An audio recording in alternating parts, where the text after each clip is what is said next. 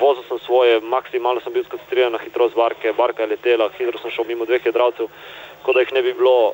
Ko sem obrnil, sem ga enkrat videl zelo daleč, bil je za mano na boj 50 metrov za mano in potem pa sem ga držal do konca cilja. Do cilja. Torej, Aleš, če, do, Aleš, če slišimo? Slišimo se, slišimo Po, dalje. poglej, vajen si prekinitev danes, zdaj sem te jaz prekinil v tem eh, pogovoru z Vasilijem Žbogarjem, seveda tudi eh, čestitke iz Ljubljanskega studia. Mi smo namreč poklicali tudi v Izolo in sedaj se bo lahko Vasilij pogovarjal, oziroma tudi starši najbližji mu bodo lahko čestitali prek eh, radijskih valov Radia Slovenija. Slavko Žbogar v Izoli, lep pozdrav. Živijo, živijo. Prav sedaj lahko pozdravite sina v daljne Atene. Alo, Vasilij, Ja, čas, lahko. živijo. Poslušaj, eh, mi imamo telo veliko festo, eh, tisto, kar ti že obljubil, da bo.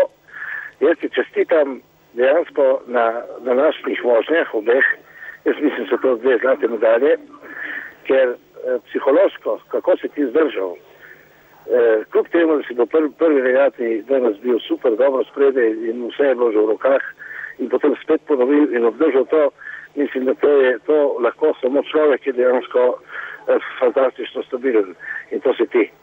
In eh, kot oče eh, sem blazno ponosen. Ja, tako tudi ne bi bil. Vasili, kaj bi lahko rekli na to? Vem, da včasih raje izklopite telefon, da vas oče med regatami ne moti. Ja, jaz imam, um, prvo bi se rad zahvalil na očetu. Jaz upam, da sem uh, prinesel veselje v Slovenijo, v Izolo, v naš dom. Uh, pač, jaz upam, da ste ponosni na mene. No, uh, res pa, da telefona med jadrem zelo ne rad uporabljam, ker uh, me pač me moti. Ne.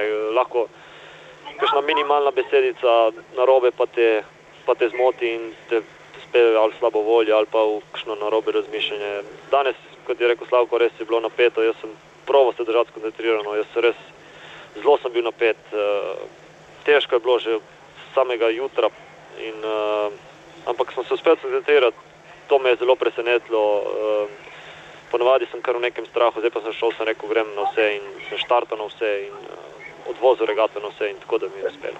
Slavko, verjetno ste bili tudi vi zelo, zelo živčni. Kako ste preživljali te trenutke, tako ko je bil smo bili- Vasili na regati? V Jadranem klubu nas je bilo, ne vem, polno, ne vem koliko, ogromno, v glavnem to je bilo za infarkt.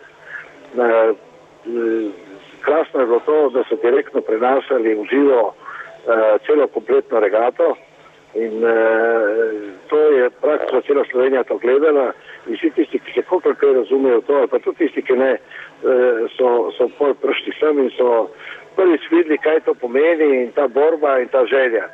Jaz jaz na Siriju eh, nimam nobenih, absolutno nobenih, temveč mu lahko samo to rečem. Tako mirnega na barki ga nisem videl že od ko so začele jadrati pred 20 leti. Tako da eh, zgleda, da je res dozorel do ta pravega, tako da od zdaj naprej eh, ne bom niti malo posumil, tudi če sem ga včasih malo kritiziral, ker je nekaj, kaj je naredil po moje narobe, ampak mislim, da je, eh, je on zelo dobro to speljal. Zato še enkrat, sine, eh, jutri se vidimo. Ja, ja, jutri se vidimo, jutri se vidimo.